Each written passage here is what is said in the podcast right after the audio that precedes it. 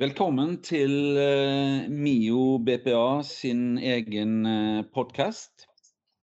I dag skal vi snakke om eh, en diagnosegruppe som kanskje ikke er så veldig kjent for mange.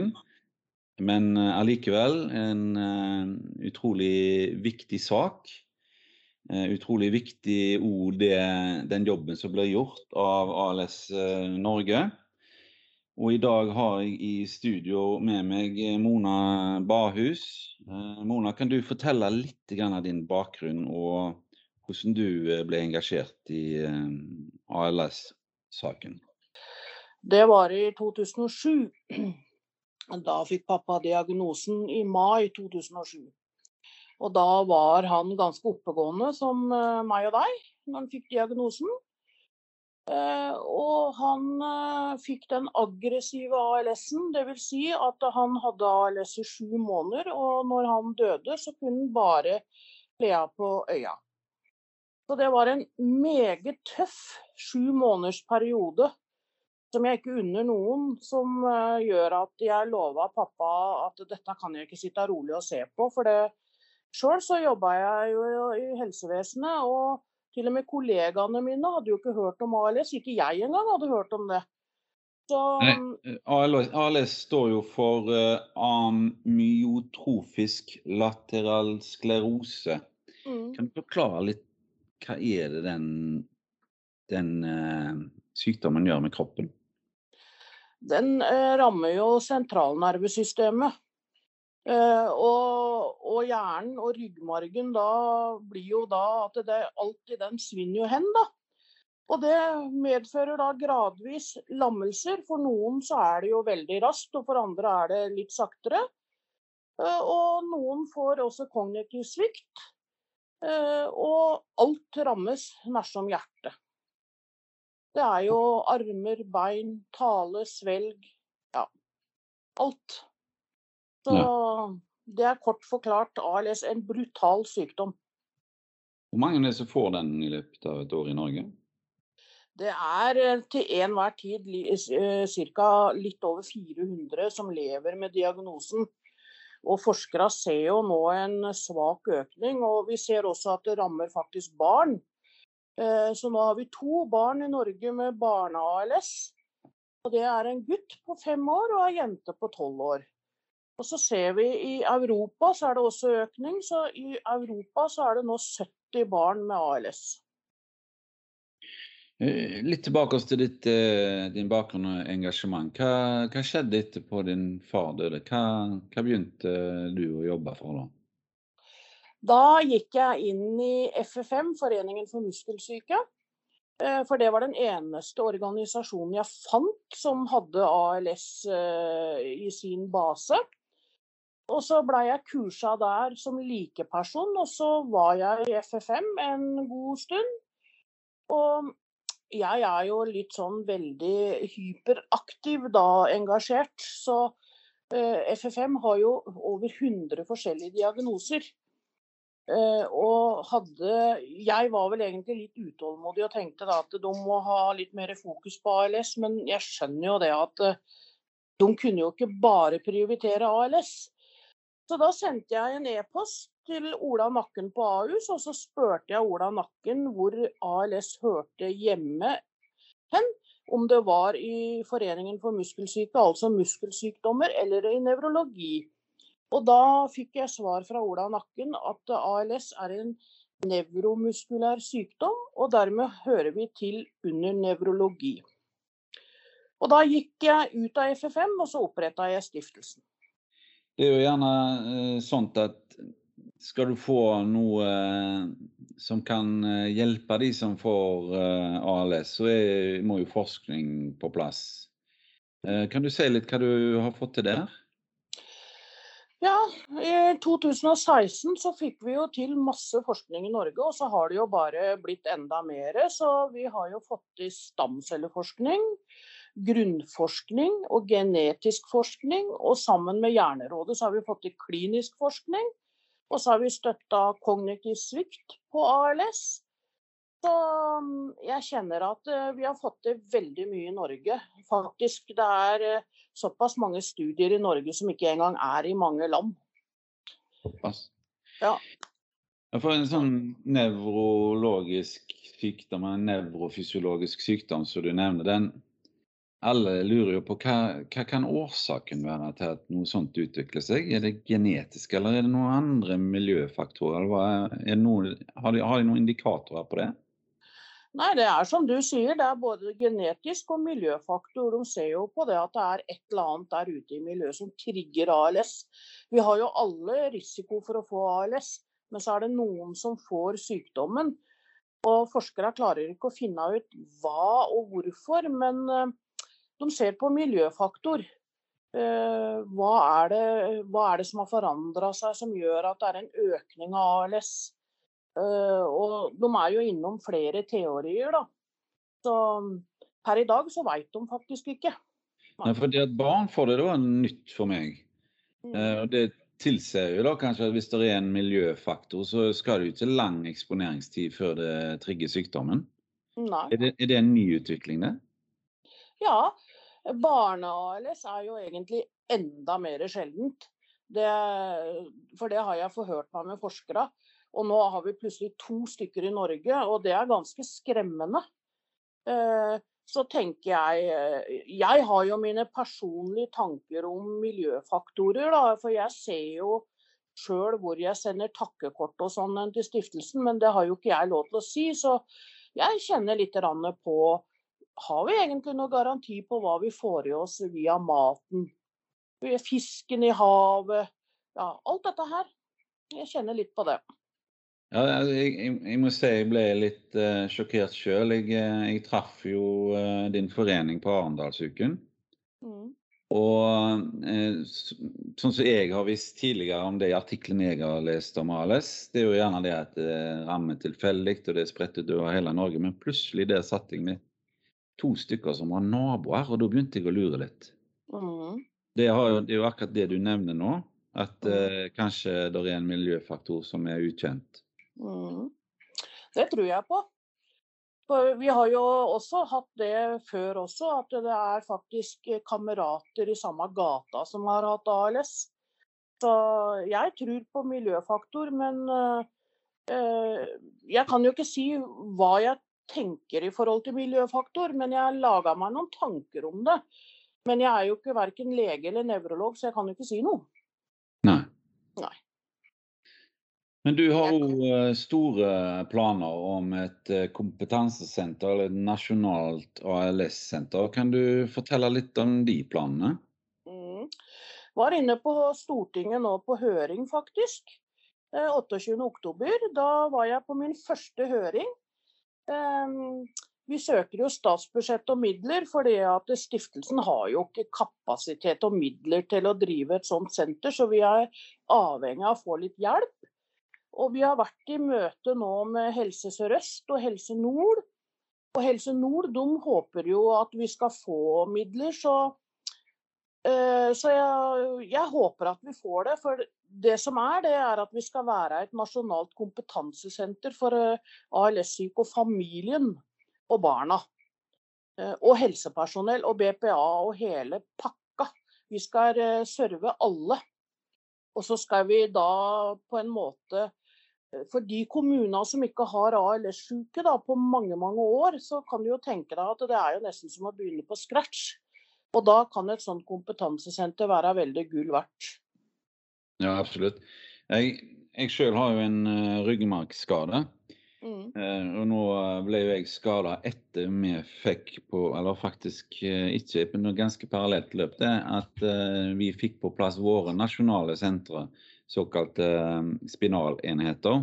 Mm. Da har vi et i Trondheim, og et i Bergen og et på Sunnaas. Og det var en veldig stor forskjell for oss eh, som eh, har pådratt seg en ryggmargskade i forhold til kompetanse og rehabilitering og mm. oppfølging av den enkelte. Så eh, når du sier til meg nå at det er 400 personer til enhver tid, så er det jo egentlig på høy tid å få på plass noe sånt, tenker jeg altså. Ja, så kan du jo egentlig gange de fire opp med tre-fire personer, da. For alle ALS-syke har jo pårørende. Ja. Og det er jo like tøft for pårørende å være i ALS-diagnose som den ALS-sjuke. Mm. Så senteret skal jo være også for dem. Ja, Eh, fange opp dem og fange dem opp eh, hele veien. Og vi skal ikke være et sånt senter hvor vi skal tvinge folk til å komme og være hos oss eller noe sånt. nå. Vi skal være et senter som de kan ringe til 24-7. Noen kan komme hvis de ønsker det, og noen kan bare sende oss en SMS, en mail eller ringe eller whatever. Vi skal være der hele tida. Det er det som er meninga vår. Når du har fått denne diagnosen, så er det jo sikkert ulike løp eh, for hvor raskt du mister funksjon. Eh, hvordan du ser, du har vel kanskje sett hvordan BPA har en effekt på den som har fått diagnosen, og hvordan livet kan på en måte bli litt lettere med en sånn ordning. Hva, det har du helt sikkert gjort noen tanker rundt? Mm. Der har vi jo en del henvendelser i stiftelsen. Det, det går jo mye på BPA, ikke sant. Eh, vi har jo hatt eh, ALS-syke som eh, har hatt BPA-ordninger som eh, ikke har fungert så bra. For det har vel noe med kompetansen å gjøre i forhold til teama. At når eh, ALS-syke mister kommunikasjonsmuligheten sin, da, og så er i en sorgprosess og får en eh, aggresjon, og pårørende som er i en sorgprosess, som også har sine reaksjoner, og hjemmet blir forandra til et B-sykehus, da, da skal du være ganske tøff for å jobbe i et sånt team. Og har du ikke da den rette kompetansen, så funker det ikke. Rett og slett. Så, så det er eh, med BPA.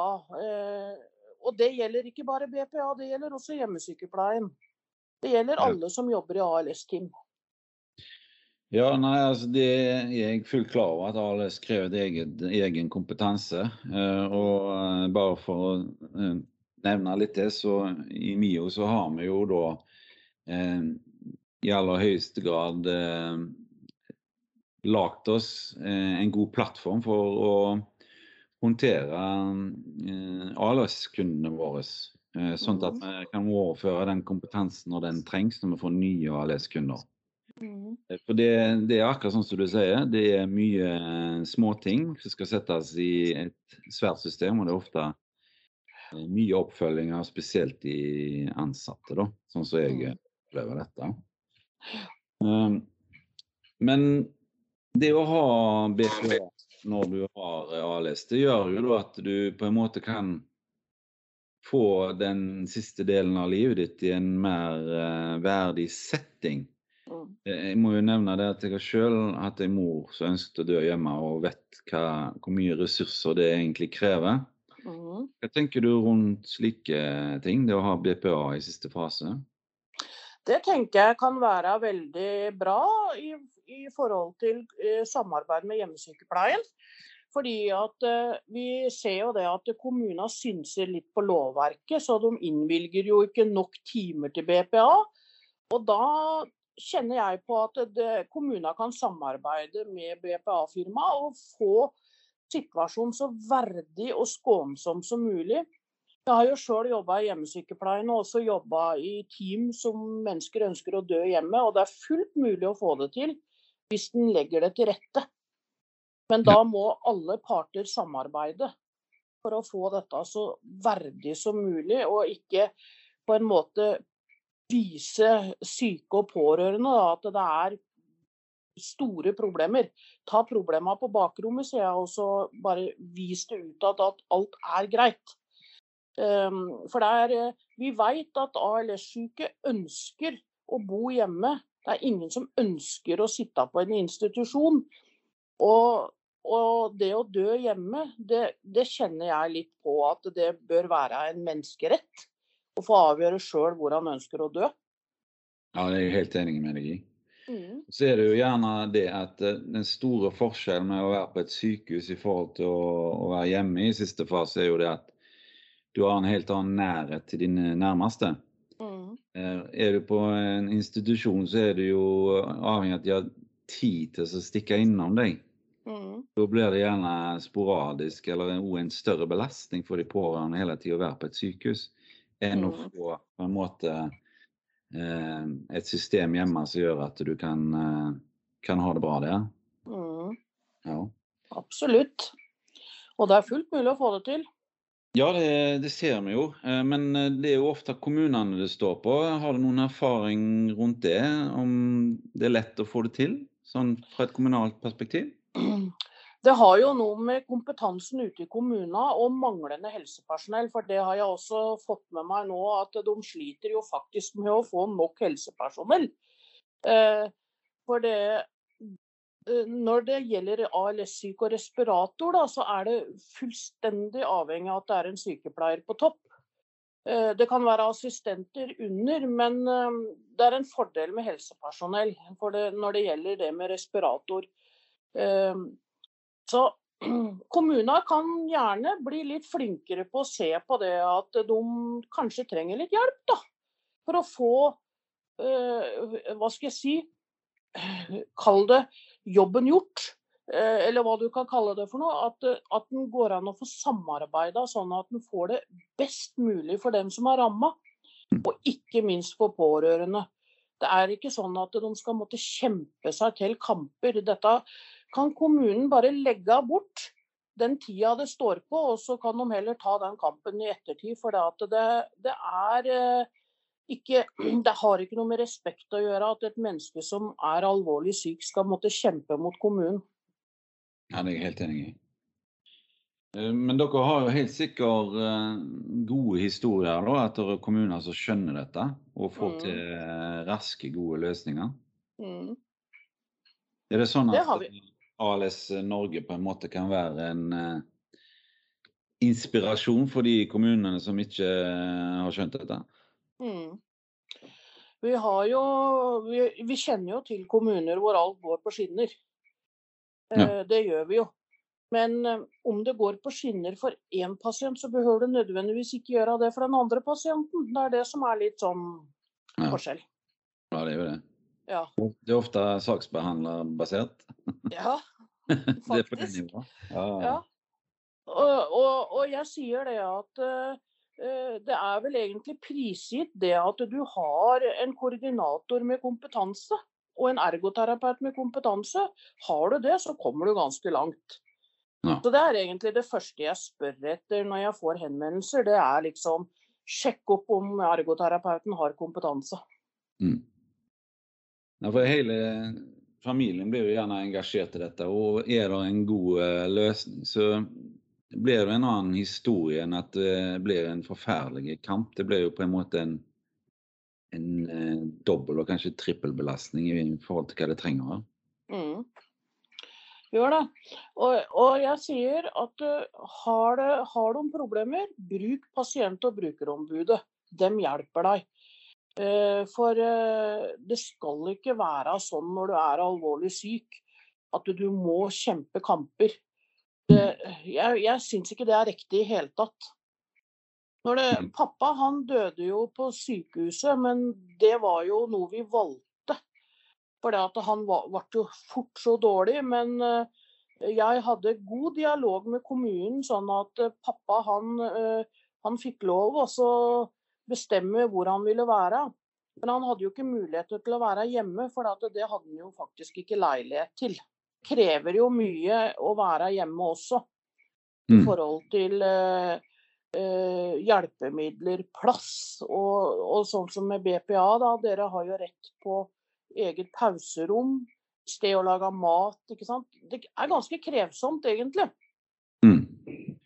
Eh, I fjor så fikk dere en julegave fra oss i MIO. Kan du fortelle hva var det for noe greier? Ja, det var jo kjempepositivt, da. Det var jo Da la vel dere ut en sånn eh, hva skal jeg kalle det, stemmeportal av noe slag. Eh, For dere hadde flere dere hadde på lista som dere ville gi gave til, da. Og så fikk jammen meg ALS Norge mest stemmer. Så det var jo kjempebra. Men hvordan var det for dere som organisasjon å få denne støtten? Veldig bra. Det kommer jo veldig godt med til eh, forskningen. Og til det arbeidet vi driver med. Vi driver jo med pårørendearbeid og barn og unge og litt av hvert. Så det kom veldig bra med. Ja. Mm. Nei, men så bra. Eh, da vil jeg gjerne benytte anledningen og ønske deg lykke til med det viktige arbeidet du og din organisasjon driver med. Tusen takk til deg, eh, Mona, at du kunne stille i vår podkast. Tusen takk. Mm. Takk for det, at jeg fikk komme. BPA trenger ikke være vanskelig. Vil du vite mer? Besøk oss gjerne på miobpa.no.